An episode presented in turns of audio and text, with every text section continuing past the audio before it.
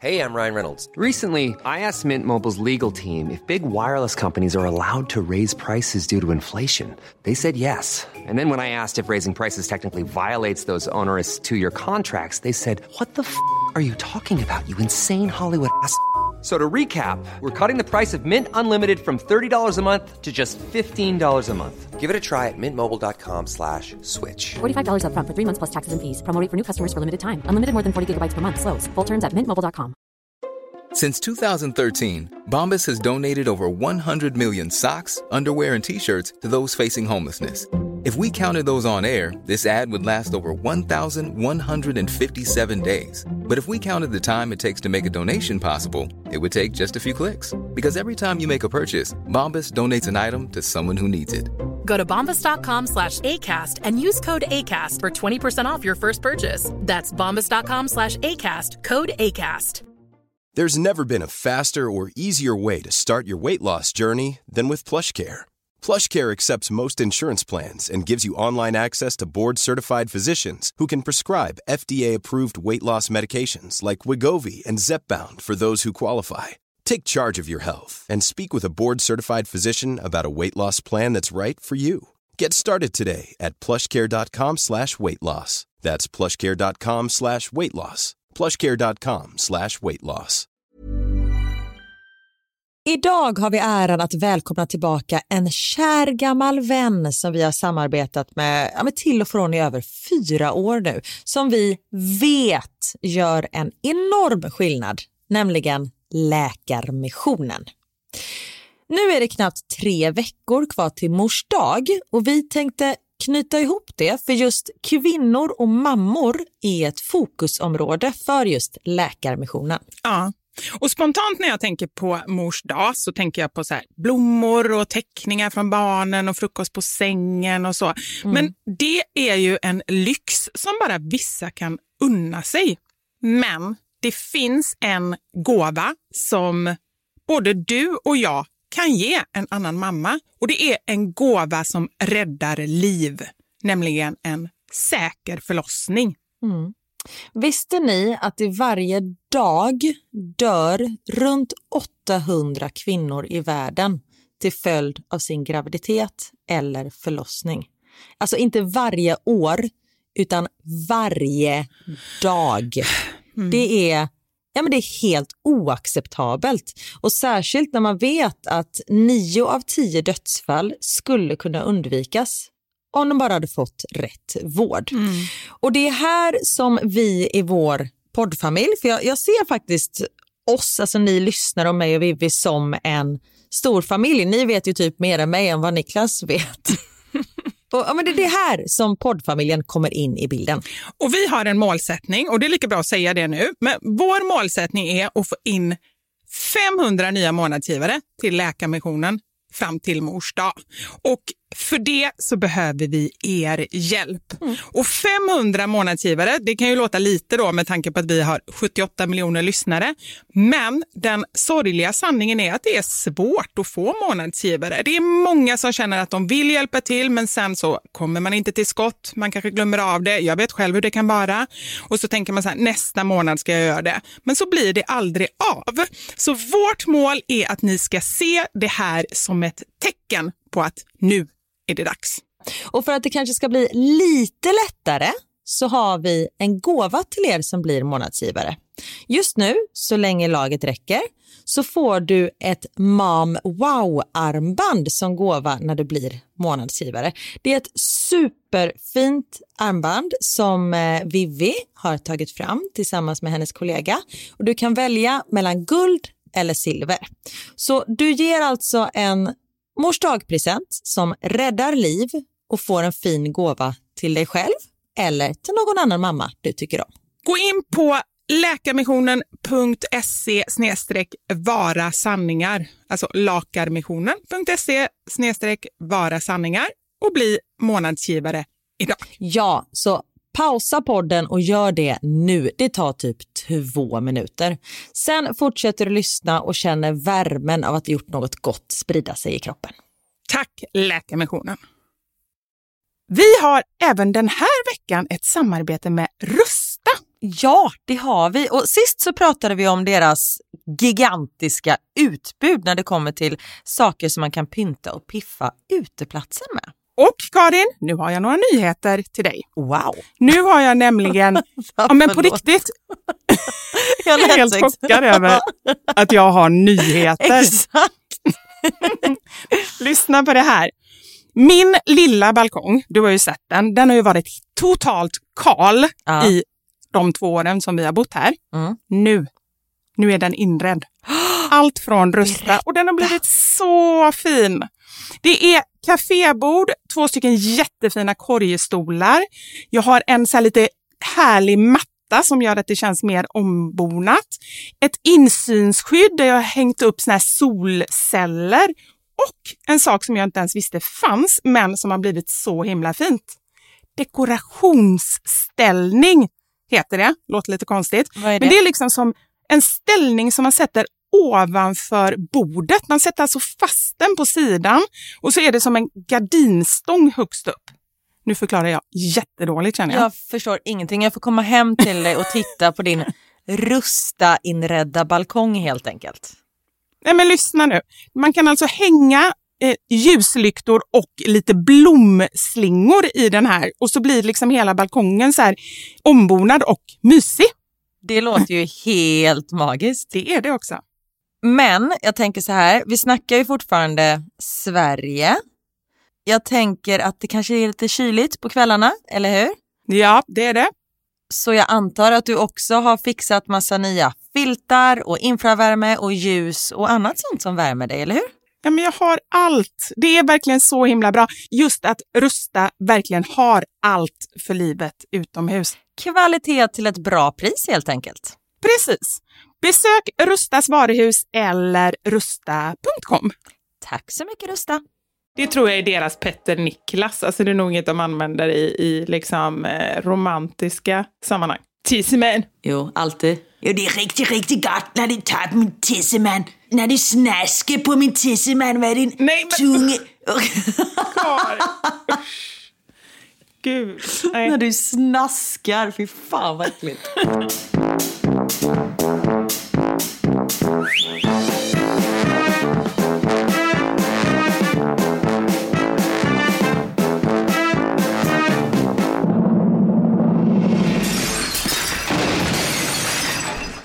sanningar. Med Vivi och Karin.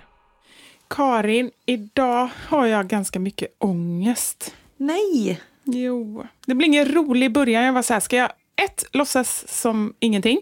Två, vara helt vanlig och sen efter typ en kvart berätta. Eller tre, berätta med en gång. Men jag känner att eh, det är, alltså det är ju inte det att jag inte kan skratta och så, men, men liksom den ligger i magen eller i bröstet eller om man säger så. Prata med mig, berätta.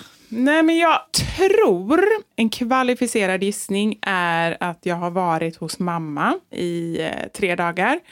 Och allt som är där nere, jag mår ju inte alltid så bra när jag är hos henne. Och det är en blandning av att jag ser hur mycket sämre hon har blivit. Och allt gammalt kommer tillbaka, alltså min ångest från när jag var liten kommer tillbaka. Och den här gången kom det ganska starkt. Och att eh, jag bara känner en allmän stress. För när jag åker dit också, så här, nu åkte jag ju bil dit, det brukar jag inte göra. Jag brukar åka tåg och då kan jag jobba på tåget. Men nu satt jag liksom i bilen i typ åtta timmar, både dit och tillbaka. Plus att när jag är där så är jag mycket med henne, så jag ligger efter jobbmässigt. Och jag bara känner mig så här, jag vet inte, allt det tillsammans tror jag bara så här har mortlats ihop till en ångestgegga. Usch. Ja. Blir det så att du liksom går tillbaka till att du blir lilla Vivian när du kommer hem till henne? Alltså, jag- jag ska inte säga att jag blir det dagtid, för det har jag inte riktigt möjlighet att bli för att hon behöver så mycket hjälp. Så då är det liksom så här, och, och visst, jag tog ju mycket ansvar när jag var liten, men det var ju mest psykiskt. Hon var ju ändå den som så här fixade, gjorde maten, hon har ju alltid liksom passat upp på mig väldigt mycket. Så dagtid blir jag inte det, utan då får jag ju liksom så här, göra allt. Men kvällstid och nattetid så blir jag det. Jag skrev ett inlägg om det. Jag har fått så himla fin respons. Jag vaknade mitt i natten och skrev det. Eller vaknade, jag sov ju typ inte utan jag bara låg och vände och vred fram och tillbaka. Jag bara, jag måste skriva ner det här för jag, bara, jag måste göra någonting med den här äh, liksom, oron som jag har i kroppen. Mm. Så skrev jag lite om det. Ni kan kolla om ni, om ni inte har läst det. Men just att när jag var liten så hade jag väldigt mycket ångest på nätterna för att jag var så rädd att mamma skulle dö. Och det liksom, jag kontrollerade henne och liksom, då låg hon bredvid mig så då hade jag ju nära till hands. Men det kom tillbaka så jag liksom sprang upp, för hon sov ju på övervåningen i sin säng som hon har i vardagsrummet och jag sover i sovrummet där nere. Så jag sprang upp flera gånger på natten och kollade och liksom kom inte till ro. Så på natten kände jag det. Ja. Ja, det var det som jag känner. Du behöver inte säga något särskilt. Jag ville bara liksom säga var jag befinner mig. Jaha, nej, nej jag, tro, förlåt, jag trodde att du var mitt i en mening och att du lyssnade på någonting. Att det var därför jag... Aha. Jag trodde du bara, ja, aha, vad ska jag säga nu? Jaha, nej, nej. Det är ju jättejobbigt att känna det. Såklart, det är ju fruktansvärt och bara liksom att man... Nej, oron att någon ska dö, det är ju helt vidrigt. Ja, det är fruktansvärt. Och framförallt så är det hemskt för att jag också liksom känner väldigt starkt att jag Alltså, jag går på något sätt in i den här lilla tjejen och så jag mår dåligt för hennes skull på ett sätt som jag inte riktigt har gjort innan. Det kanske är en del av bearbetningen men jag liksom bara känner hur hemskt det är för den här lilla tjejen och för alla andra små barn som mår dåligt över saker som de inte själva kan liksom styra över. Som mår dåligt över grejer som har hänt hemma eller händer hemma. Och det är ju bara så här, jag bara inser det att det är så himla många som har upplevt trauma som barn. Och det är så här, olika typer av trauma. Det kan vara grejer som man liksom inte alls, eller ofta kan ju inte barnet styra det, men det kan vara grejer som inte de vuxna heller kan styra, utan det bara är och det är hemskt att uppleva det. Och då tänker jag ju också nu när jag själv har barn att jag blir livrädd för att de ska få någon typ av trauma. Även om inte det blir samma sak, för de är inte ett dugg oroliga för mig och det tycker jag är så skönt. De är snarare så här, typ om jag någon gång har liksom så här, ja ah, men just det, det berättade jag ju någon gång när jag var tvungen att gå ut på motorvägen och barnen var små. Och jag bara, men alltså jag kan inte gå ut och hämta det på motorvägen, vi hade tappat någonting. Och de började gråta och jag tänkte att åh, nu vill de inte att jag ska dö. Men då var de bara oroliga för hur de skulle komma hem. Hur ska vi komma hem om du dör på motorvägen? Eh, men för mig var det jätte, jätteskönt att känna. De är inte alls oroliga för mig. Men däremot så, jag menar, de får ju säkert sina trauman som man själv inte vet om. Jag tänker med skilsmässa och allting. Det behöver ju verkligen inte vara så. Men min hjärna börjar tänka på sådana grejer där mitt i natten när jag själv mår dåligt. Liksom. Jag såg på din Instagram att du hade pratat med din mamma om det här men jag ville inte titta på det för jag ville prata med dig direkt. Ja. Vad säger hon om det här? För jag menar, hon kan ju inte hjälpa att det har varit som det har varit och att det är som det är. Så Nej. hon ska ju inte liksom ha dåligt samvete för det. Men vad, när du säger hur du eh, mår och hur du tänker och hur dina tankar går och sånt där, vad säger hon då? Hon säger att hon aldrig förstod hur orolig jag var, men hon har inte ett dugg dåligt samvete för det. Och när jag frågar det, när jag säger så här, att hade mina barn kommit till mig och sagt att så här upplevde jag det och nu mår jag fortfarande dåligt över det, då hade jag bara shit, usch vad hemskt, då har jag gjort detta. Och så här. Jag hade ändå haft dåligt samvete, men hon har inte ett dugg dåligt samvete. Och som hon säger, jag är för sjuk för att överhuvudtaget, jag liksom har knappt näsan över vattenytan själv. Och det finns ju inget syfte med att hon ska gå runt och ha dåligt samvete. Det är ju som hon säger, jag menar, det är ju också en grej som jag har ångest över, att se henne så dålig som hon är. Så att jag vill ju verkligen inte att hon ska må sämre på grund av det här. Och det verkar hon inte göra heller. Men när, när du säger att inte hon har något dåligt samvete, hur känner du då? Tycker du det är skönt? Eller blir du ledsen? Eller blir du arg? Jag tycker det är lite så här, Du lite känner mig som en psykolog här. Ja, men det, är, det är jättebra. Tack Karin, jag behöver det här. Stackars er andra bara som får lyssna. Men ni kanske också har ångest så ni får lite hjälp av det här. Nej, men jag tycker att det är lite konstigt. Kanske att någonting inom mig blir lite ledsen. Fast det är inte det som jag känner. Mest känner jag att det är bra att hon inte har det. För att jag tycker så synd om henne ändå.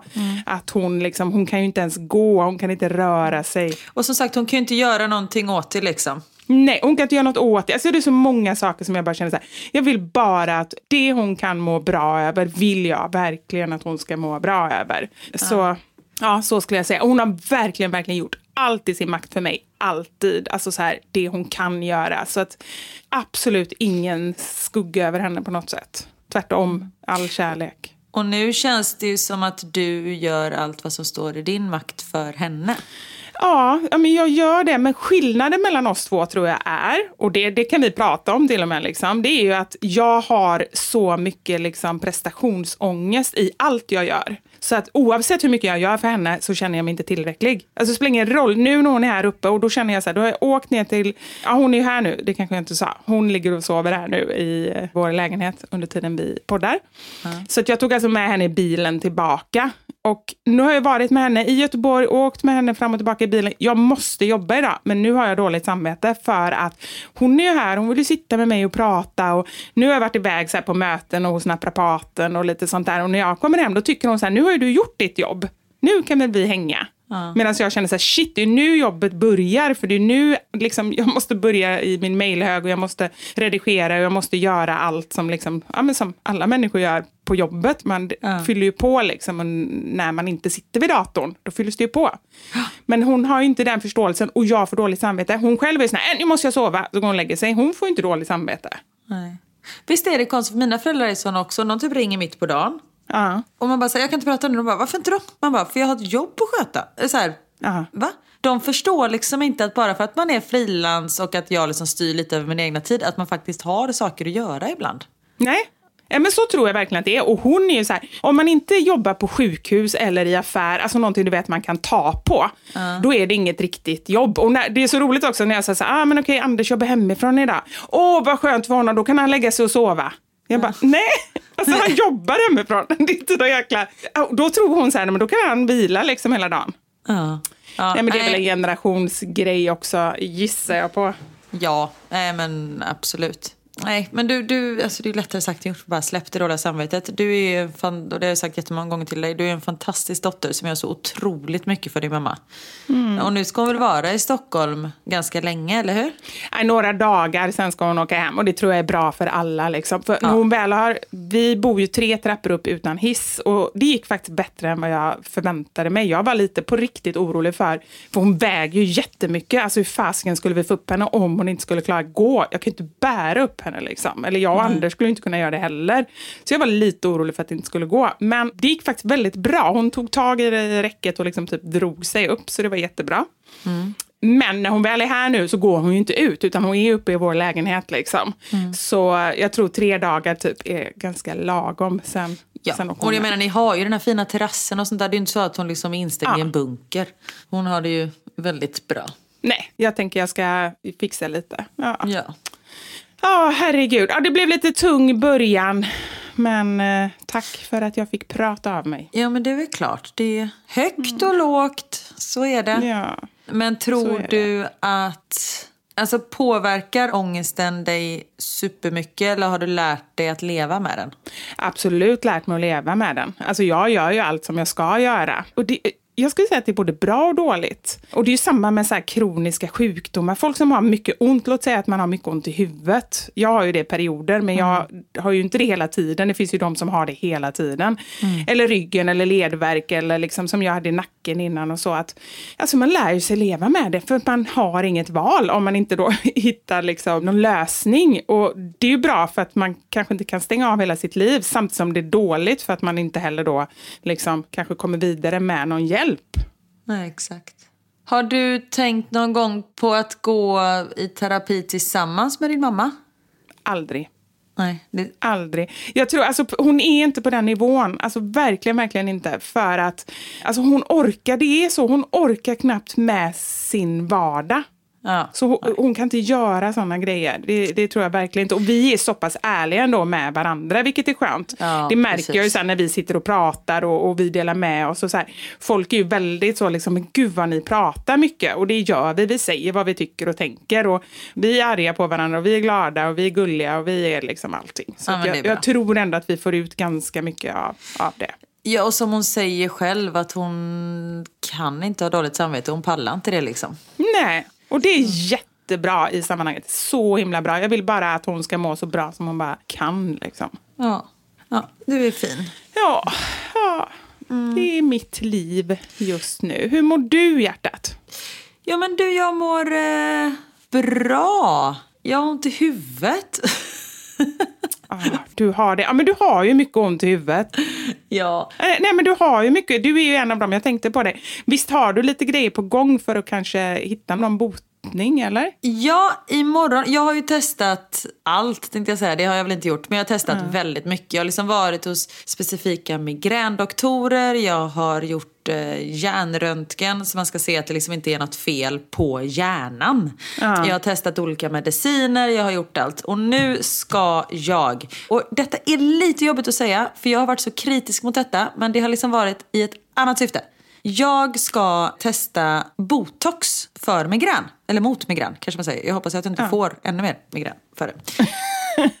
Precis. Och det, för några veckor sedan så pratade jag ju väldigt illa om botox. Men det är ju liksom något helt annat. Det jag kritiserade då var ju att väldigt unga tjejer sprutar botox i hela sina ansikten. Och jag vet, man får göra precis som man vill.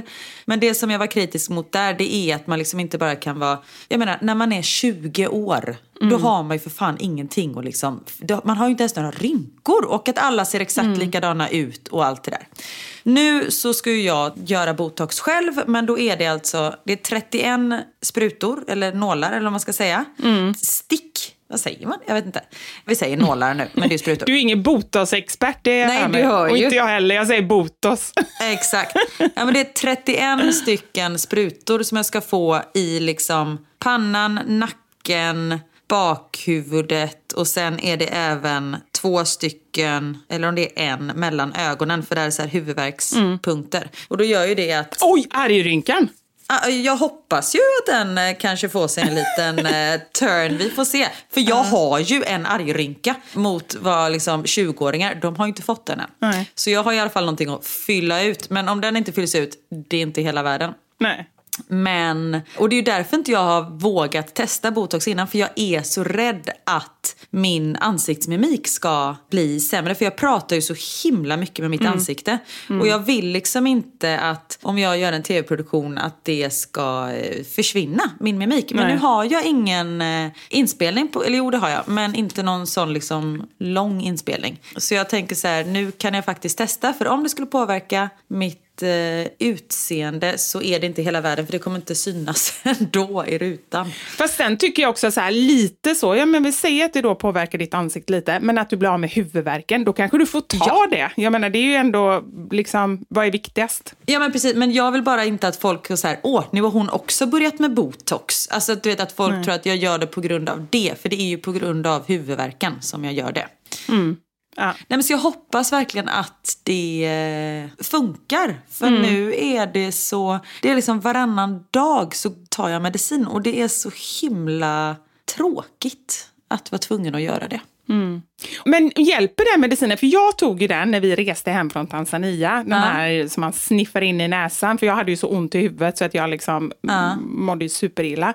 Men det hjälpte ju inte mig. Så att uppenbarligen var det ju inte migrän då. Jag testade ju mig fram jag också. Men för dig hjälper den, eller hur? Det är ju den enda medicinen, som, det är Somic Nasal som man köper receptfritt i Sverige. Nu, nu gör inte vi reklam för något läkemedel, jag bara berättar vad jag tar och som fungerar på mig. Ja, just det. För just läkemedel är ju sånt också. Om man gör reklam så måste man ju ha så här disclaimer och så här, så annars kan vi åka fast. Exakt, exakt. Därför är det ju ännu viktigare att vi säger att detta inte är någon reklam. Ja, precis. Men det är, den funkar eh, på mig. Men nu har jag också fått reda på att det kan göra att man får den medicinen. Har jag hört, jag har inte läst någon studie om detta. Källa, min kompis Sissi. Ändå bättre än Bachelor och eh, Theo, tio år, eller? Verkligen, faktiskt. Den, eller hon, den, den källan, Sissi, säger att eh, det här kan liksom trigga så man får ännu mer ont i huvudet, den här medicinen. Så det är ju verkligen så här, det är det enda som funkar men det gör också att man får mer. Ah. Så det är ju totalt värdelöst. Och jag kände i söndags så hade jag sånt migränanfall så jag var tvungen att ta ganska mycket medicin. Jag var tvungen att ta både Trio och sen den här eh, nässprayen. Och så tog jag en nap och sen när jag vaknade upp för vi skulle iväg på middag. Och det, jag kände bara så här, min hjärna har checkat ut. Det, det var, jag var liksom helt avstängd. Så jag kom till middagen jag bara, jag är ledsen, jag är inte mig själv. De bara, vi ser det, du ser ett väck ut. Jag bara, jag vet. Jag känner ingenting. Det var liksom som att hela min kropp hade stängts av. Och jag bara kände så här, äh, men det kanske är för att jag har så jävla mycket. Sen fattade jag att medicinen inte går rätt upp i hjärnan. Men det var så det kändes. Ja. Så jag var så här, nej det här... eh, Ja, men det är klart att det påverkar. Jag känner det när jag tar tre år, för det är den enda tabletten som hjälper mig. Men jag känner ju att jag blir lite både hyper, för det är ju koffein i ganska mycket tror jag, samtidigt som jag blir lite så här, uh, omtucknad. Så att det är klart att det påverkar. Ja, men det är så...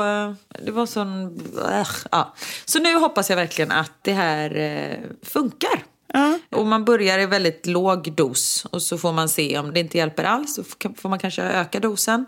Ja. Men då måste man ju vänta tills det andra har liksom 12 veckor tills det har gått ur kroppen och bla bla bla. Så vi tar ett steg i taget. Så jag får återkomma nästa vecka med hur det har gått. Ja, men det är bra. Ja, det är en med psykisk ohälsa här och en med fysisk ohälsa. Precis, Ja. vi har det kanon helt enkelt.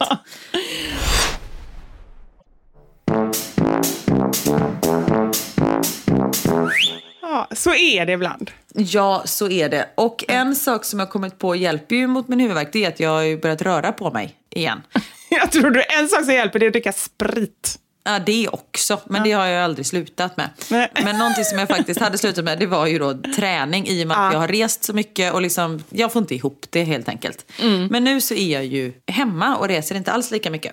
Så nu har jag börjat undervisa dans i skolan, vilket är så jävla kul. Ja, det är kul för dig. Och sen så har jag ju gått tillbaka till mitt gym. Oh. Och vi har ju tidigare pratat om att jag är lite av en tävlingsmänniska. Ja, Ja, det har nog inte undgått någon. nej. Och nu vet jag, nu har jag liksom kommit på hur jag även ska vinna på gymmet. Okej, berätta. Inte för att jag någonsin kommer vilja vinna på gymmet. Jag vill bara komma därifrån när jag kommit dit. Jag vill liksom bara bli, klar. Men eh, det är ju kul för alla andra. Ja, men det är ju lite så jag har känt innan, att jag bara känt mig dålig och sånt där. Och liksom, jag är sån som nej men jag måste träna innan jag börjar träna för jag kan inte komma dit otränad. Till, alltså det är lite så, sånt har jag tänkt. Men nu har jag knäckt koden. Ja, berätta. Jag går på pensionärspass.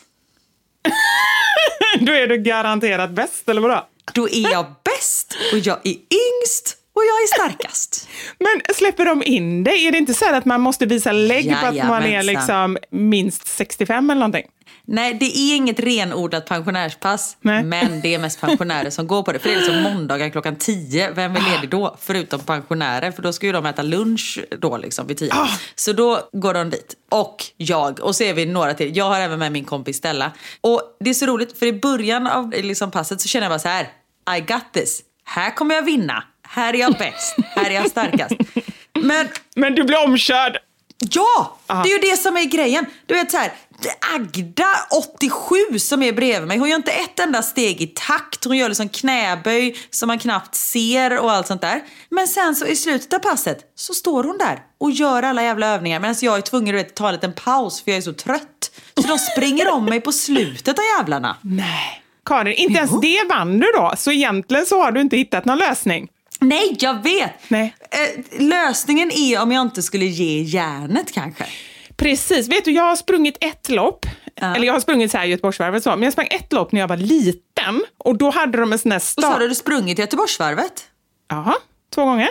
Duktig du är. Ja, eller hur? Och första gången, då hade jag aldrig i hela mitt liv sprungit längre än 12 kilometer. Och helt plötsligt skulle jag springa en mil till. Alltså det är ju skitmycket extra. Men jag kände, är det Exakt. någon gång jag kan göra det så är det när någon står och spelar trumpet bredvid mig och eh, liksom det Ja. folk hejar liksom. Man får ju väldigt mycket energi av det. Det var så när jag sprang mitt, eh, jag vill inte säga maraton, men Tjejmilen. Fem kilometer eller? Nej, en Nej. mil. Tjejmilen. En mil? Ja. Fem kilometer. Just det, ja, men du förstår ju hur med jag är i hjärnan. Ja, men det är bra. En mil är jättebra. Fem kilometer är fantastiskt också, men jag bara tänkte när du jämförde Ja. med maraton, det var det jag menade att jag skrattade Ja. åt. Ja. Nej, jag förstår. Eh, Absolut. Ja, nej men alltså det är ju lösningen. Det är ju typ att springa lopp för att man blir så mycket gladare. Men jag gjorde så rätt första gången för då sprang jag jättelugnt för jag tänkte ska jag orka den här extra milen då måste jag hålla ett riktigt lugnt tempo. Och då gick det jättebra. Problemet andra gången och även sista gången, för jag kommer aldrig mer springa det, det var ju att jag hade ju Hybris. fått hybris. jag trodde att jag typ skulle vinna hela loppet. Jag undrade varför Ja. inte jag var i startgrupp ett. Försökte tränga mig bland alla såna här etiopier och grejer som är längst fram där. Du passar ju sig in, alltså du ser ju verkligen ut som en löpare i din kropp. Ja, eller hur? De, jag hade kunnat lura mig fram. Du ser jävligt seg ut. Alltså på, på en, detta är en komplimang. Se, det är som Niklas, han är också så här seg. Mig ser man ju så här, hon kan dansa jive, sen är hon ute. Sen måste hon lägga sig och sova i tre år. Liksom. Sen måste hon lägga sig i Slottsskogen i rabatten och sova innan hon ens lämnar Slottsskogen. Exakt! Precis. Nej, men jag hade ju kunnat liksom tränga mig där, men det var ju tur att jag inte gjorde det, för det gick ju inte så bra. För jag tog ut mig, jag gjorde precis det du säger, jag tog ut mig alldeles för mycket i början. Ja. Sen var det ju, alltså det, det var en mardröm. Det är ett svart hål nu när jag tänker på det. Men du tog dig i mål. Ja, jag tog mig i mål, och ganska snabbt faktiskt. Men det var på ren ångest skulle jag säga. Vad sprang att- du på? ja, men jag har ingen aning. Jag kan säkert, hur kan man kolla det? Kan man kolla upp det? Det vet jag inte. Nej, Min svärmor har, eh, hon vann sin åldersgrupp där.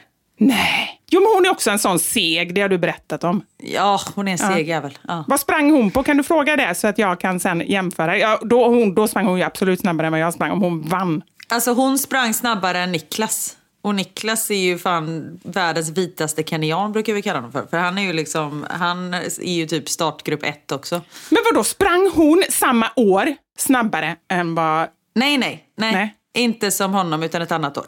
Ah, okej, det, det, hon kanske sprang på 80-talet, eller?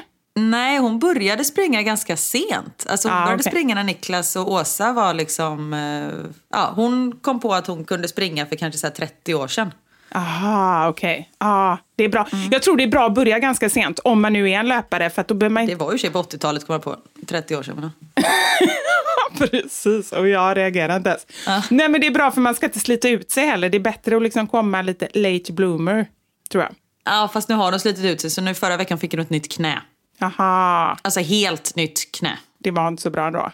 Nej, En anledning till att inte träna, tycker jag. exakt.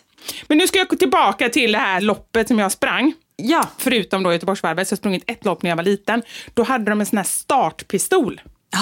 Och du vet, när de sköt med den, jag hade ingen aning om att de skulle skjuta. Jag blev så jävla rädd, så jag sprang. Alltså jag sprang så snabbt. och du som kommer från Kortedala också, du trodde att det var, är det skottlossning. Ja, men nästan så. Nästan så. Jag sprang 200 meter. Och tänk att du springer det snabbaste du kan i 200 meter. Då är du så slut, då kan du inte ens stå upp. Aldrig hänt. Det har aldrig hänt. Nej. Nej. Men kan du, du kan inte ens försöka tänka dig känslan. Liksom. Jag kan tänka mig. Nästan. Okej, så trött var jag. Och sen, så, sen kom jag sist i hela loppet. Alltså sist, sist. Nej. För jag kom typ, jag gick i mål för jag var ändå med liksom, men alla sprang förbi mig. Och det är så, nu var en väldigt lång historia på typ 10 minuter, men det är så som jag gissar på att du gör kanske med eh, de här lila håriga tanterna. Ja, för jag är så här, titta på mig, titta vilken djup knäböj jag kan göra. Och jag lägger på armar på den här rörelsen. Ha, ha, ha. det kan inte du din gamle jävel. Och så gör jag allt det här. Och sen så när det börjar, liksom, närma sig 45 minuter, då har jag som mjölksyra att jag håller liksom på att smälla av. Och tanterna ligger där och bara sega liksom. Men du, är du också sån som ställer dig längst fram för att liksom visa upp dig så att alla ser dig? Nej, Nej. det gör jag inte. Nej, det är nog bra med tanke på utfallet i slutet där. Exakt, exakt. Men det bästa av allt, du får basta efteråt. Ja. Det är ändå skönt att gå till gymmet. Ja. Det får jag. Och det, det hann jag till och med göra nu i måndags. Då hann jag ställa och spa lite. Ja, Vi har ju så spa på vårt gym och det är för jävla nice alltså. ja, gött. Härligt. Ja, det är riktigt gött. Ja, men det är skönt. Eh, vad bra med lite nya rutiner. För det är verkligen så, både för psyket och eh, för kroppen och allting. Huvudvärk och allting. Alltså, röra på sig. Det, jag tycker inte att det finns någonting bättre. Sen är det ju värsta att det tar ju emot ännu mer när man inte mår bra. Men har man väl liksom kommit över den tröskeln så är det ju fantastiskt. Nej, verkligen. Och samma sak med dansen i skolan. Det är också superroligt. Men jag har ju valt att... Alltså jag tackade ja till att hjälpa till med de tidigare musikalerna. Det var ju för att det var ju high school. Nu får jag lite vatten på min kvarn här. För jag har varit så jag bara, nej men jag är inte... Middle school, det är liksom som mellanstadiet typ. Eller högstadiet. Jag bara, alltså vad fan, jag vet inte riktigt om det är min ålder att jobba med. Men fuck it, jag gör det. Ja. Men det är inte min ålder att jobba med. Fan vad ungar är jobbiga alltså, förlåt. Men hur gamla är de här sa du? Ja, men de är så här 13. Ja, men det är ju de du har varit arg på innan, eller? Exakt. Det är de jag har varit arg på innan. Och nu har jag sagt till dem att jag heter Karin, men jag kan väldigt lätt bli en Karen. Så passa er. Har du sagt det till dem? Jajamensan. Ja, bra. Och de kan liksom, de står i givakt i, om det är första kvarten. Sen så här, nu drar jag alla över en kam. Men speciellt typ 13-14-åriga killar. Ja. Alltså, de pratar och de håller på. Ja, du har ju två hemma tänkte jag säga. Inte än så länge, men du kommer ju få två hemma. Ja, jag vet. Det är det som är problemet, eller? Det är det jag hasar. Ja. Ah. Nej, men de pratar och de håller på och då är det väl ändå så här, det här musikalen är ju liksom frivilligt. Alla behöver inte vara med men ändå har alla sagt att de vill vara med. Så det är inte någon som tvingar dem att vara där. Och det är liksom typ man bara, nu står du bredvid henne och så gör du precis som hon gör för hon är alltid tyst och duktig och liksom sköter sig. Och sen är det så bara man ser hur han smyger bak till sina kompisar och så börjar de prata och man är så här, snälla. Men än så länge har jag inte tappat det. Än så länge. Nej. Det är en tidsfråga. Nej, men precis. Men jag tycker annars också, kan inte börja med liksom så här ut utegångsförbud, tänkte jag säga. Jag menar tvärtom, innegångsförbud. Alltså de får inte komma in, de får ut och sen får de inte komma tillbaka när de beter sig dåligt. Alltså så här, för den, det tillfället. Ja, det, sist så var det faktiskt en som jag satte. Han fick inte vara med och dansa för han förstörde för alla. Liksom. Så han fick sitta och så fick han titta. Det var de sista två minuterna så det var inte så. Men eh, jag vet liksom inte riktigt vad reglerna är här. Samtidigt som man får ju typ aga. Ja, det kanske du inte ska börja med, känner jag. Nej, jag kanske inte ska göra det än i alla fall. Nej. Sen när vi börjar närma oss premiär. Eh, Precis. Sen tänkte jag också att du skulle ju faktiskt, eh, jag menar, är du, beter du riktigt dåligt skulle du kunna hamna i fängelse. Tänkte jag, tills jag kom på. Du är diplomat, du kan inte hamna i fängelse. Exakt. Och om jag skulle hamna i fängelse, då poddar vi därifrån. Så det är ju något ont som för något gott med sig ändå. Så Ja. det, är liksom inget, det skrämmer mig inte. Nej, kanske nästan eh, mer gott än ont, eller? Ja, fan, man får mat serverad, man har en säng, ingen stör, folk säger till en vad man ska göra. Man har liksom inget eget ansvar, det är ju drömmen. Du, jag känner lite så här, vi ska ju åka på en liten resa snart igen. Bara en mindre tripp. Och idag så hade vi ett möte och gick igenom det här schemat. Och jag älskade det. Det var minutschema.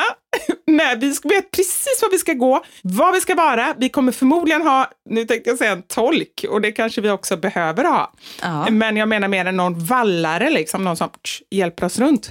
Och det är så skönt. Precis. Ja, Du gav ju mig det ansvaret. Du bara, Karin är reseledare. Jag bara, okej. Nej, du var sekreterare. För du hämtade ju papper och penna. Du tog ju den rollen själv kände jag där. Ja. Jag bara formellt uttryckte den. Och det kanske mer föll sig naturligt att det blir jag som är reseledaren. Om man tänker tillbaka på... Jag tror det. Ja. på tidigare resor. Ja, jag tror det. Exakt. Men det var ju fantastiskt. Och just att de utgick ifrån... Man såg ingen skillnad, förutom att det stod cocktails en gång i schemat. Så skulle det lika gärna kunna varit en förskoleklass som åkte. För det var mycket snacks. Det var liksom mycket mellanmål, mellanmål instick. Liksom sådär. Vilket man älskar ju. Varannan timme. Vad, ja, men det är ju underbart. Men jag bara, jag bara ser framför mig hur du och jag sitter på restaurang i en ring. Om man nu kan sitta två personer i en ring. Och så har vi varsin clementin. För man måste ju ha lite fruktstund också.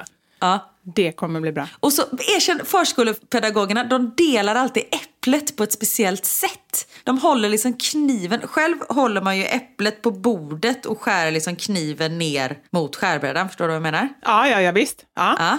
De håller det i handen och tar liksom runt med tummen på kniven, eller hur? Men det känns ju nästan lite farligare. Det är bättre att ha kniven ifrån sig. Det har man ju lärt sig. De typ tar kniven emot sig, även om de gör det i en väldigt eh, fin rörelse. De jobbar ju med barn, vet du. Det kanske finns en önskan någonstans där. Precis. Nej, förlåt. Nej. Nej, men det var ett fantastiskt schema och just Mm. att man... eh, Att de förstod hur vi funkar. De förstod hur de skulle få ut det mesta av oss. Ja, att precis. hålla vår sockernivå konstant hög. Underbart. Det är lite Mm. få vinstopp tänkte jag säga. Men det var så då ett cocktailstopp, det såg inte ens jag. Men då blir jag glad. Det blir trevligt. Mm.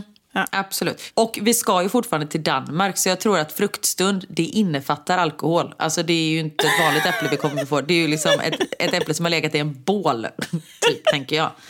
Nej, jag tänker bara snarare cider på äpple. Alltså det är liksom, det är gott. drickbart skick liksom. Ja. Vindruvor, öl. Tänkte jag, vad är det för frukt? men vad är det? Malt och humle. Ja, det gillar ju inte jag. Nej, men jag bara tänker, det är ju inte ens någon frukt, så det kan man ju inte ens omvandla.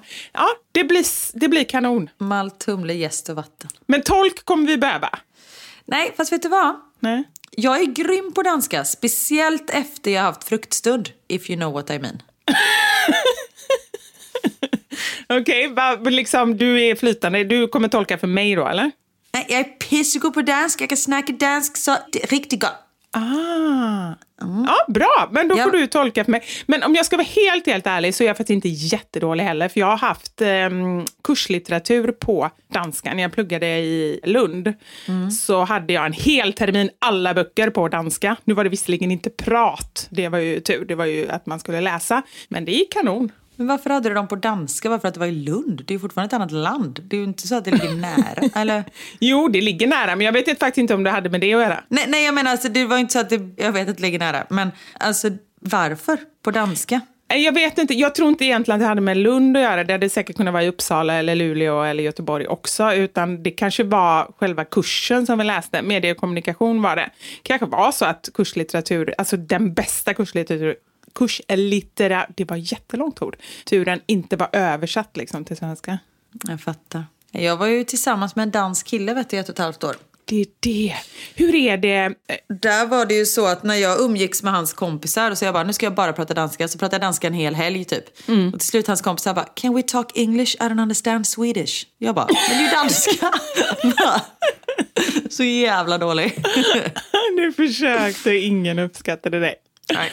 Jag tänker lite love language på danska. Är det lite sexigt eller inte?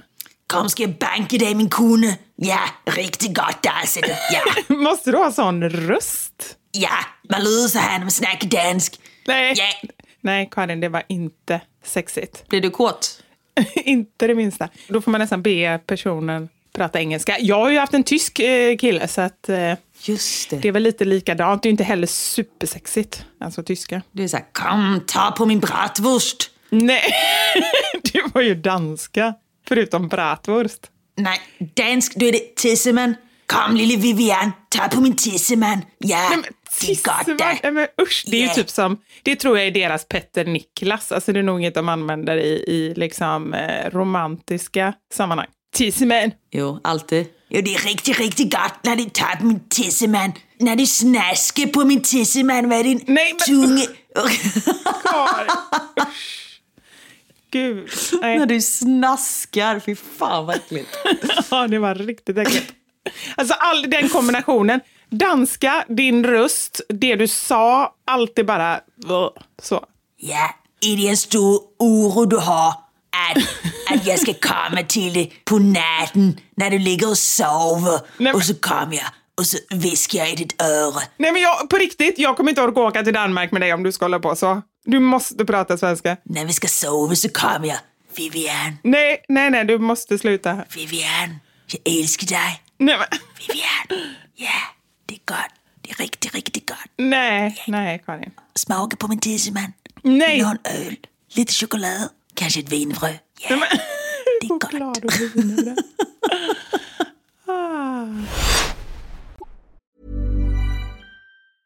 Mother's Day is around the corner. Find the perfect gift for the mom in your life with a stunning piece of jewelry from Blue Nile. From timeless pearls to dazzling gemstones, Blue Nile has something she'll adore. Need it fast? Most items can ship overnight. Plus, enjoy guaranteed free shipping and returns.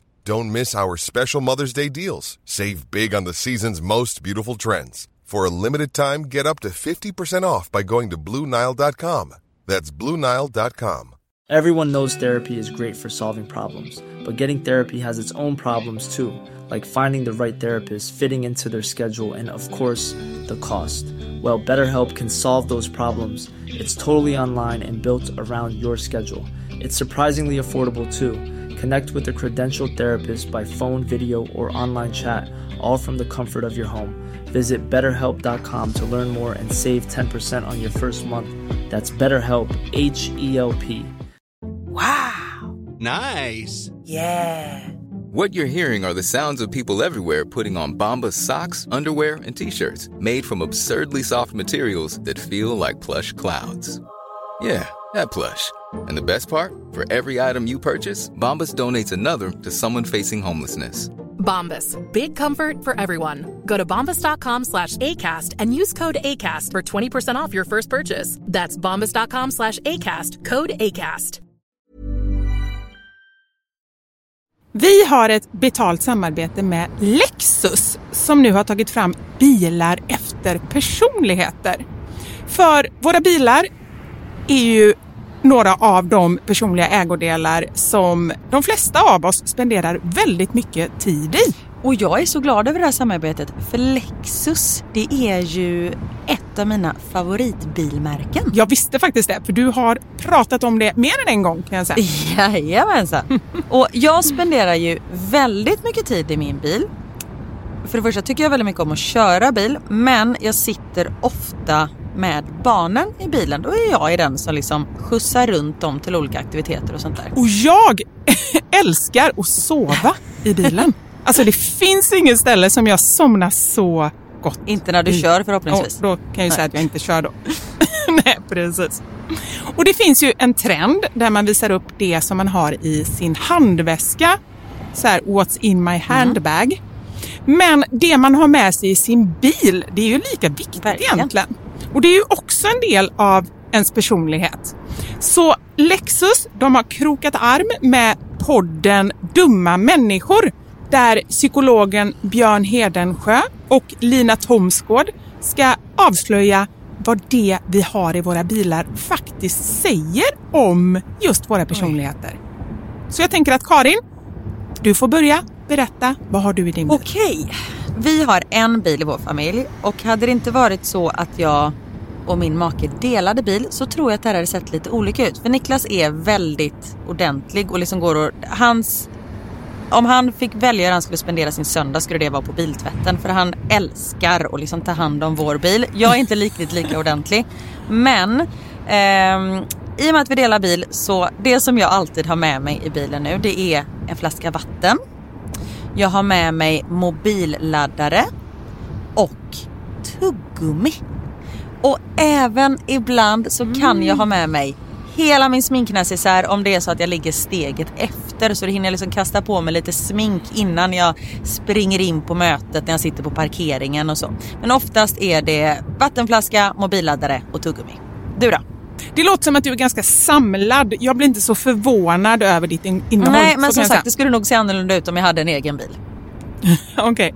Jag har alltid med mig de tre. Oj.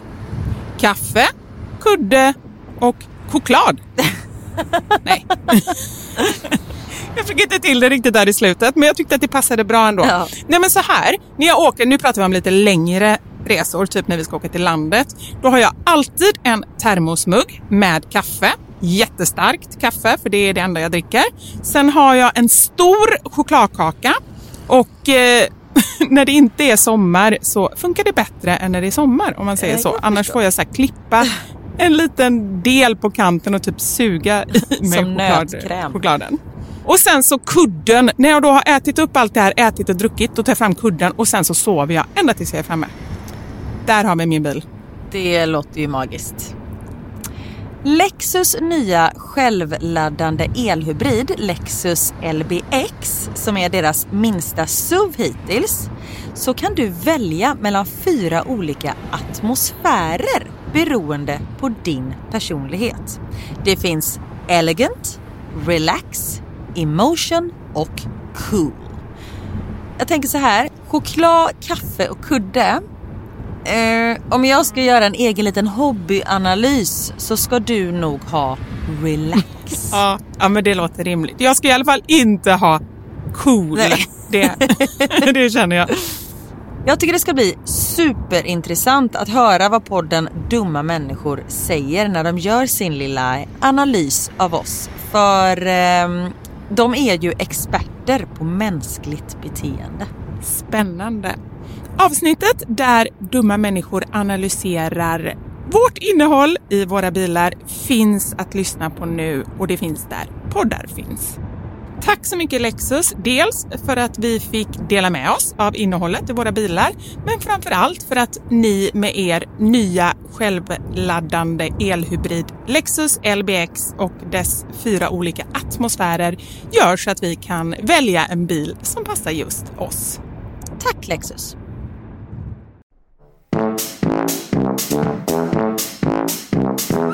Nej, förlåt. Men det är ingen rädsla du har, eller? Nej, att du ska säga så eller att, att det ska komma en dansk och säga så eller vad? Exakt, därför jag tänker bara så här. Jag försökte göra en lite skön övergång. Ah, så pigg jag i huvudet. Ja. Men det är inte så du känner att det är en... Det är inte så jag känner. Det är inte en av mina rädslor. Nej. Nej, det här är ju en ganska... Det är ganska orimligt att de skulle komma och viska så här på natten till dig. Men vi har faktiskt frågat er som lyssnar vad ni har för orimliga rädslor. Det har blivit dags för...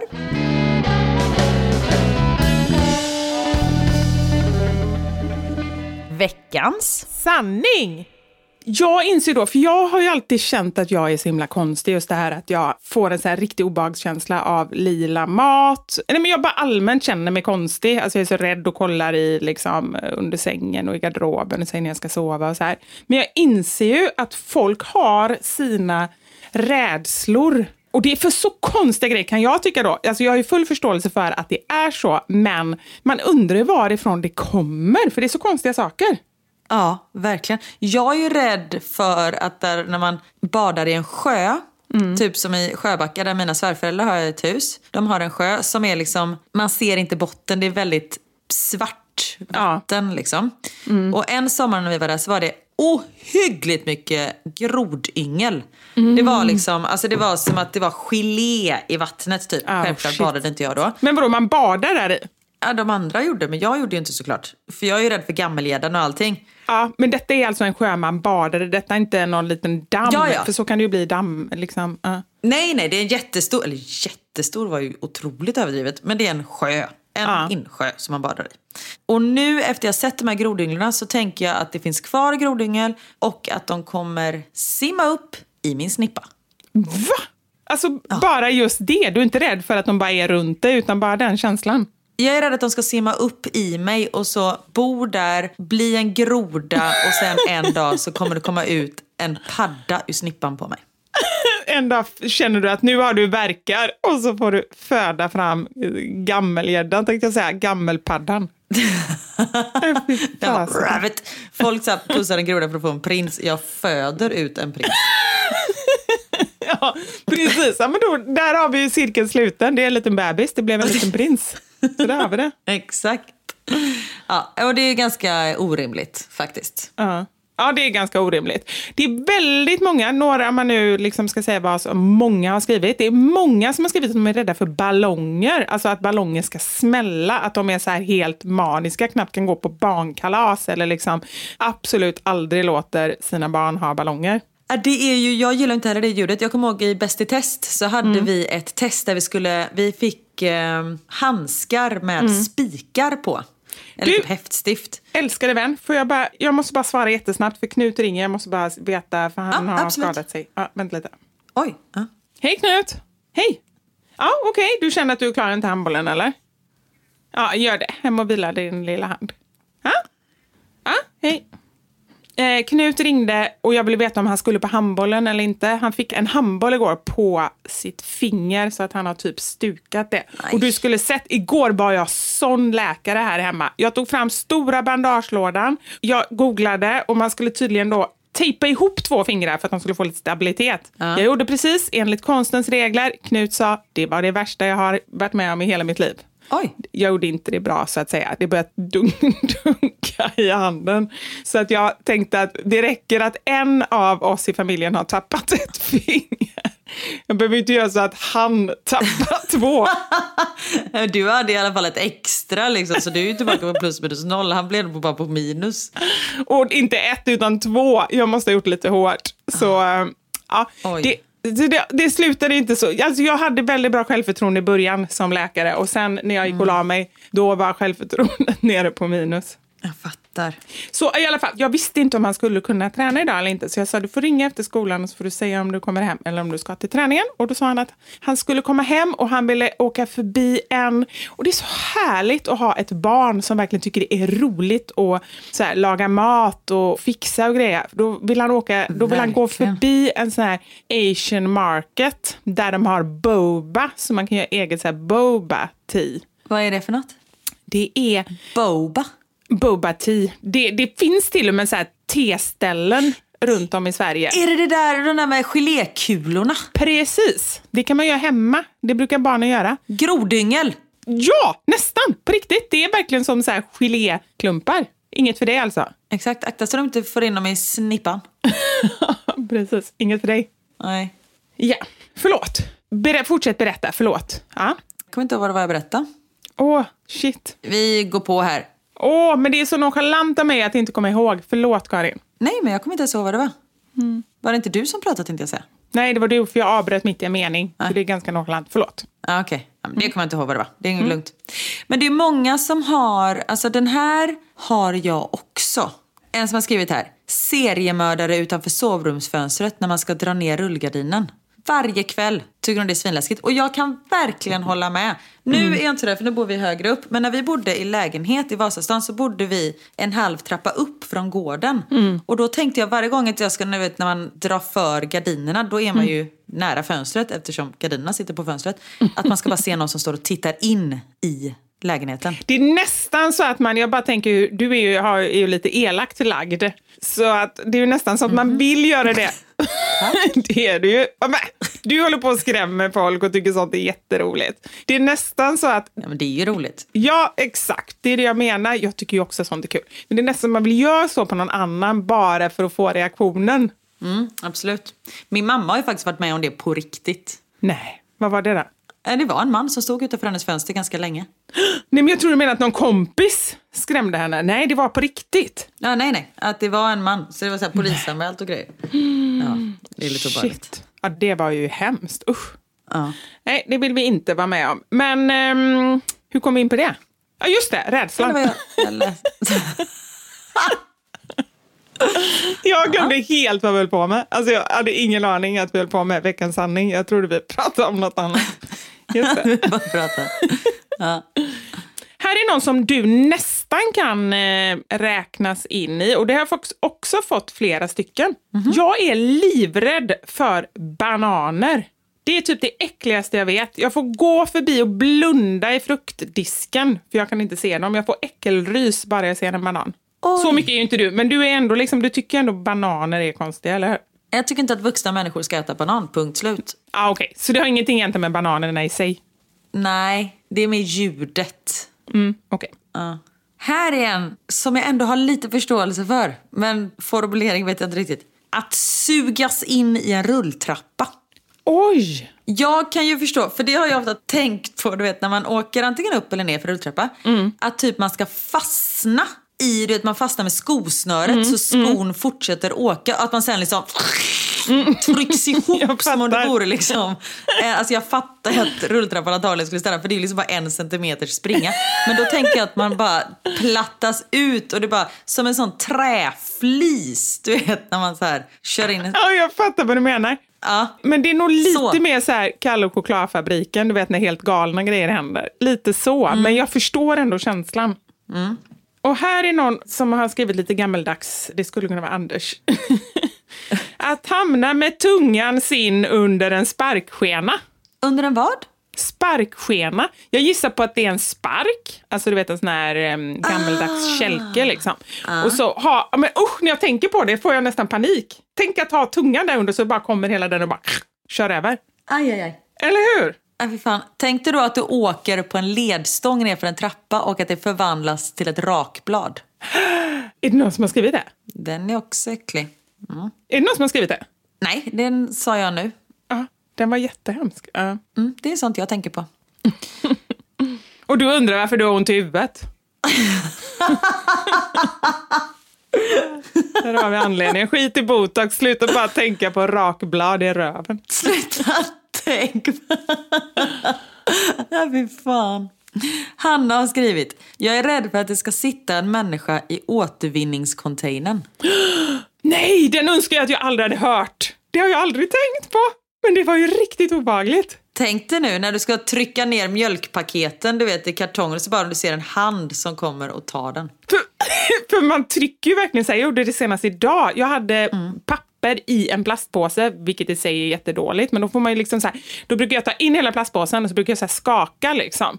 Där kan ju lätt någon bara ta tag i handen. Ja.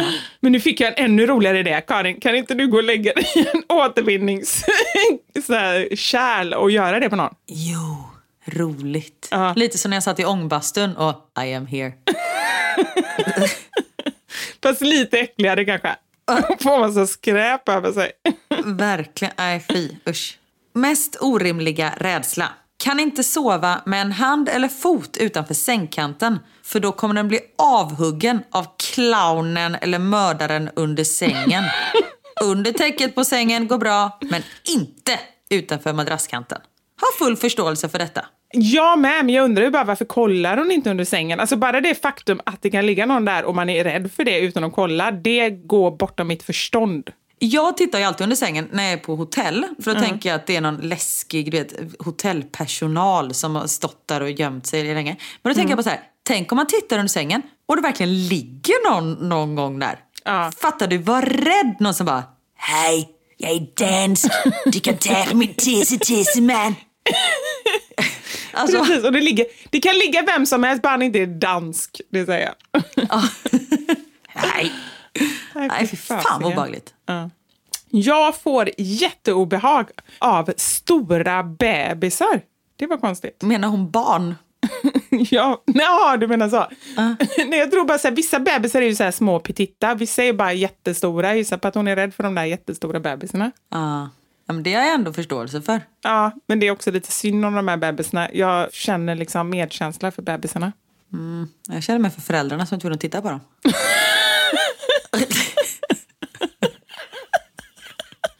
jag är så elak. elak. Jag förtjänar att någon står och tittar utanför mitt fönster. Det hör ju jag.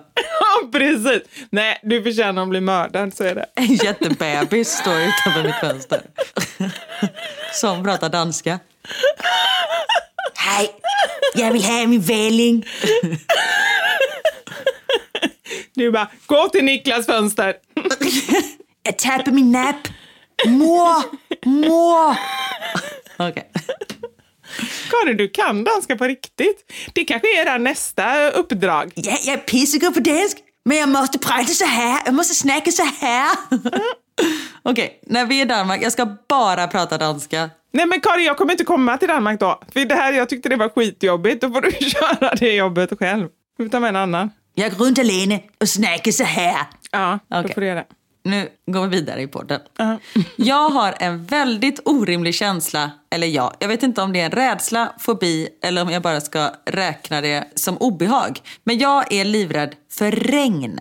Nu menar jag inte när det typ duggar utan mer stormliknande regn. När det regnar riktigt kraftigt så får jag en riktigt obehaglig känsla. Som att hela världen skulle gå under. Att just den här stormen är ett tecken på världens undergång. Orimligt att få sån obehag, rädsla av kraftigt regn.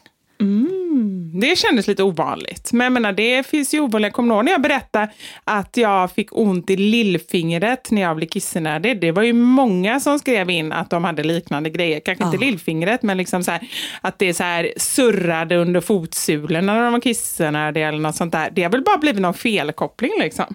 Ja, nerver som har tappat det. Ja. Här är någon som uppenbarligen inte är min kompis, eller inte skulle vilja vara min kompis. Jag har fobi för hål i kläder. Alltså jag mår illa och får kvälvningar när jag ser hål. Kväll, kvälvningar säger jag. Kväljningar. Kväljningar säger man nog. När jag ser hål i kläder. Jag säger också kvälvningar. Är det göteborgskt kanske? Ja men eller hur, för nu, jag bara läste kvälvningar först och sen bara, nej men det kanske jag hittar på nu. Men kvälvningar, det kanske är göteborgskt. Kväljningar står det här.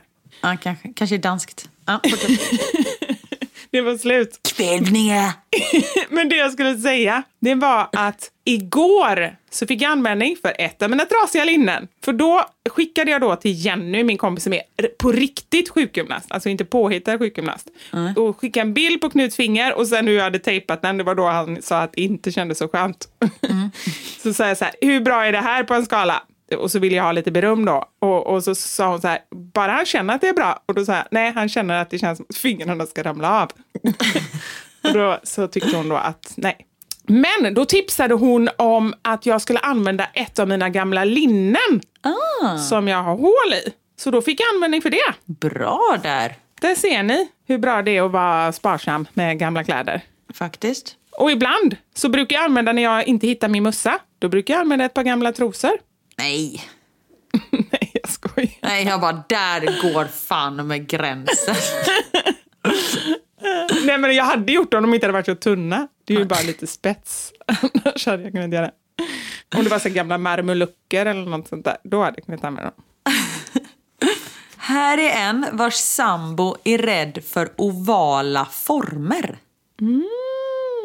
Det låter lite som det här hålrädslan. Vad heter det? Det har jag fått flera som Ja, har skrivit. Etto, ettofobi. Etnofobi. Någonting sånt. Nej, oval. trypofobi. Trypfobi. Trypfobi. Ja. Ovala former aldrig hört innan. Nej, inte jag heller. Och han är även rädd för hälsenor. Och det kan jag säga. Det är en sån fobi jag har att hälsenan ska gå av. Och i tisdags var jag och spelade paddel med lite morsor. Hon som spelar bredvid mig, hon kastas efter en boll och så bara man hör så här. Dysch! Och så tittar jag på henne och hon bara, helvete. Jag bara, det var din hälsena som rök. Hon bara, ja, det var det. Hennes hälsena gick av. Men hon var så stark. Men vadå, var det, hon du, eller var det den tjejen du alltså var i par med eller var det på banan Ja. bredvid? Nej, det var tjejen jag var i par med och jag kände bara så här, var det jag som så här, typ så här, den är din, att det var mitt fel. Men så Mm. tänkte jag bara, nej den var verkligen bara hennes bollen. Så jag kände mig lugn efteråt. Men det ljudet Mm. när den gick av, alltså, det, var, det var ingen Mhm. tvekan och sak. Man verkligen hörde hur det small. Men vadå, hur har du en kunskap om sånt här överhuvudtaget? Jag har aldrig innan jag hör dig berätta detta tänkt på det. Nu kommer jag ju bara tänka på det i och för sig framöver. Nej, och du vet när hälsenan går av, då flyger den upp och lägger sig i knävecken. Så man är tvungen att gå in med typ en krok och hämta ner den och sen sätta fast den igen. Nej, nej, nej, nej, nu skojar du. Nej, det är helt sant. Det är så jävla äckligt. Hur, hur fick ni av henne ur, eh, ur, från planet? Eller plan, planet? Och det säger pappa också, planet. Man bara, nej, planen heter det fortfarande. Fotbollsplanet. Nej, planen. Ja. Nej, hon eh, alltså, haltade av och sen så var det en som körde henne till sjukhuset och jag körde hem hennes bil och så, ja, vi blev, en, vi blev ett bra gäng där. Ja. Och jag blir, eh, alltså i nödsituationer, jag blir stolt över mig själv. Jag blir stolt över dig. Jag blir ganska arg på folk också för folk var så här, du vet så här dramamammor, alltså drama, alltså drama queens. Som bara oh my god! Jag bara back off, be quiet, she doesn't need your... Vad fan, jag bara hon behöver inte att ni ska stå och skrika och säga att det här gör svinont, bara flytta på er. De bara okej. Så jag var väldigt så brysk. Bra, Men- det gillar jag. Ja. Ja. Ja, nej men så det har jag full förståelse för med hälsenor där. Ja, det förstår jag med nu när du har berättat. Här är en som är så rädd för hajar att hon får panik om sonen ber henne att hoppa i och simma i havet. Vänta här, lyssna. I ett tv-spel. Oj! Så rädd är hon. hon, det, hon hennes son har tydligen ett tv-spel med hajar där man kan liksom så hoppa i havet så kan man så simma ifrån hajarna. Hon klarar inte av att göra det för att hon är så rädd för hajar. Hon borde gå och prata med någon känner jag.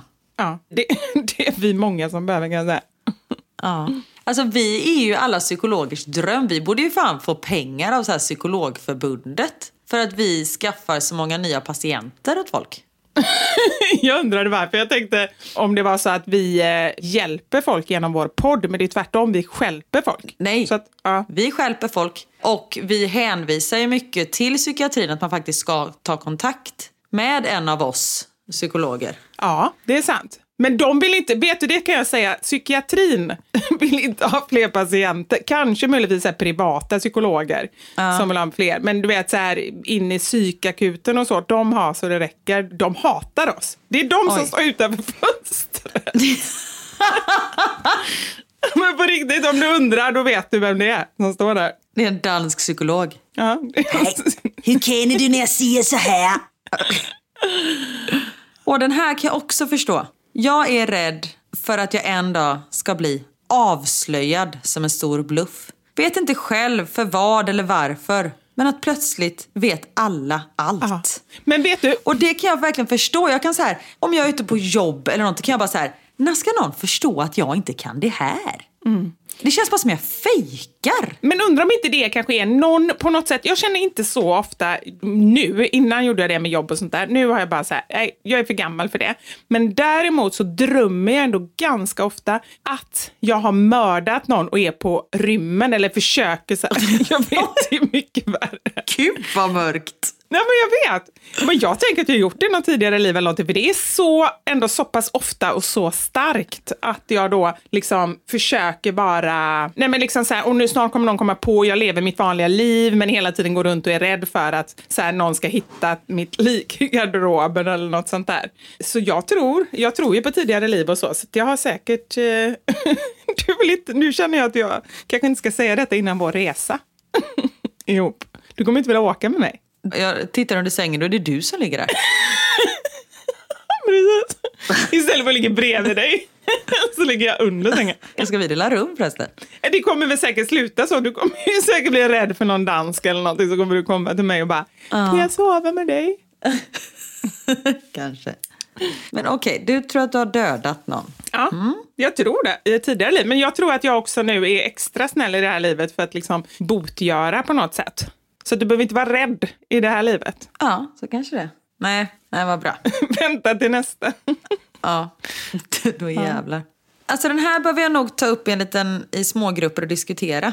Okej. Jag är rädd för ost. Alltså typ vanlig ost. Okej, står det något mer? Nej. För det, är liksom, det kan inte vara punkt där. Det är jättekonstigt. Det är en emoji på en ost. Nej, men den, tvärtom. Den kan man inte diskutera utan att veta mer, känner jag. Alltså hade man vetat mer, typ det är hålen i osten, eller det är smaken, eller det är konsistensen eller någonting. Men bara ost, det går knappt att diskutera.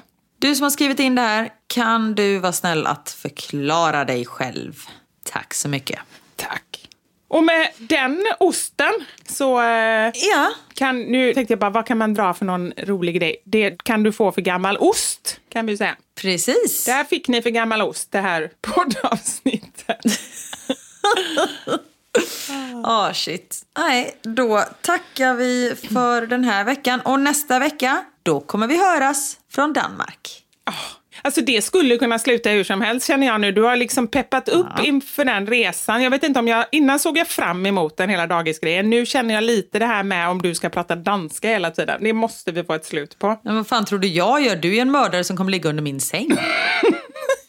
Exakt. Den podden kan bli hur som helst. Ja. Till skillnad från alla andra poddar som alltid är likadana. Exakt. Men fråga, nu går jag tillbaka till där vi började. Mår du lite bättre? Ja, Men åh, det gör jag. Tack Karin. Det var bra att du frågade den frågan i slutet. För då fick jag liksom reflektera över hur mycket den här timmen med dig faktiskt gör. Och jag har sagt det innan. Det är liksom så här, ut och spring eller gå till en riktig psykolog eller gå till Karin-psykologen. Det är det som hjälper. Exakt. Tack så mycket. Och Ja, förlåt alla ni där hemma som har fått lyssna på det här. Men kanske mår ni också lite bättre. Någonting kanske. Ja, vi säger undskyld till er allesammen som har lyssnat på denna podcast. Så hörs vi igen nästa uge och då är vi i Danmark. I Danmark. Ja, ha det gott! Hej!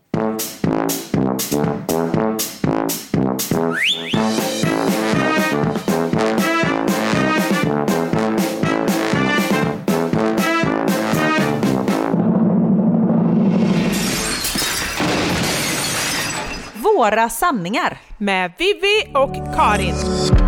Thank you for listening to this Polpo original. You've been amazing. Imagine the softest sheets you've ever felt. Now imagine them getting even softer over time. That's what you'll feel with Bowl and Branch's organic cotton sheets. In a recent customer survey, 96% replied that Bowl and Branch sheets get softer with every wash. Start getting your best night's sleep in these sheets that get softer and softer for years to come. Try their sheets with a 30-night guarantee. Plus, get 15% off your first order at bowlandbranch.com. Code BUTTERY. Exclusions apply. See site for details. Planning for your next trip? Elevate your travel style with Quince. Quince has all the jet setting essentials you'll want for your next getaway, like European linen, premium luggage options, buttery soft Italian leather bags, and so much more. And is all priced at 50 to 80% less than similar brands. Plus, Quince only works with factories that use safe and ethical manufacturing practices. Pack your bags with high-quality essentials you'll be wearing for vacations to come with Quince. Go to quince.com/pack for free shipping and 365-day returns.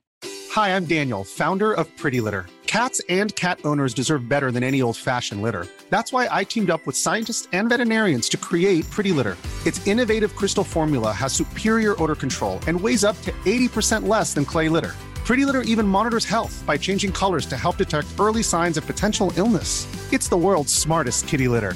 Go to prettylitter.com and use code ACAST for 20% off your first order and a free cat toy. Terms and conditions apply. See site for details.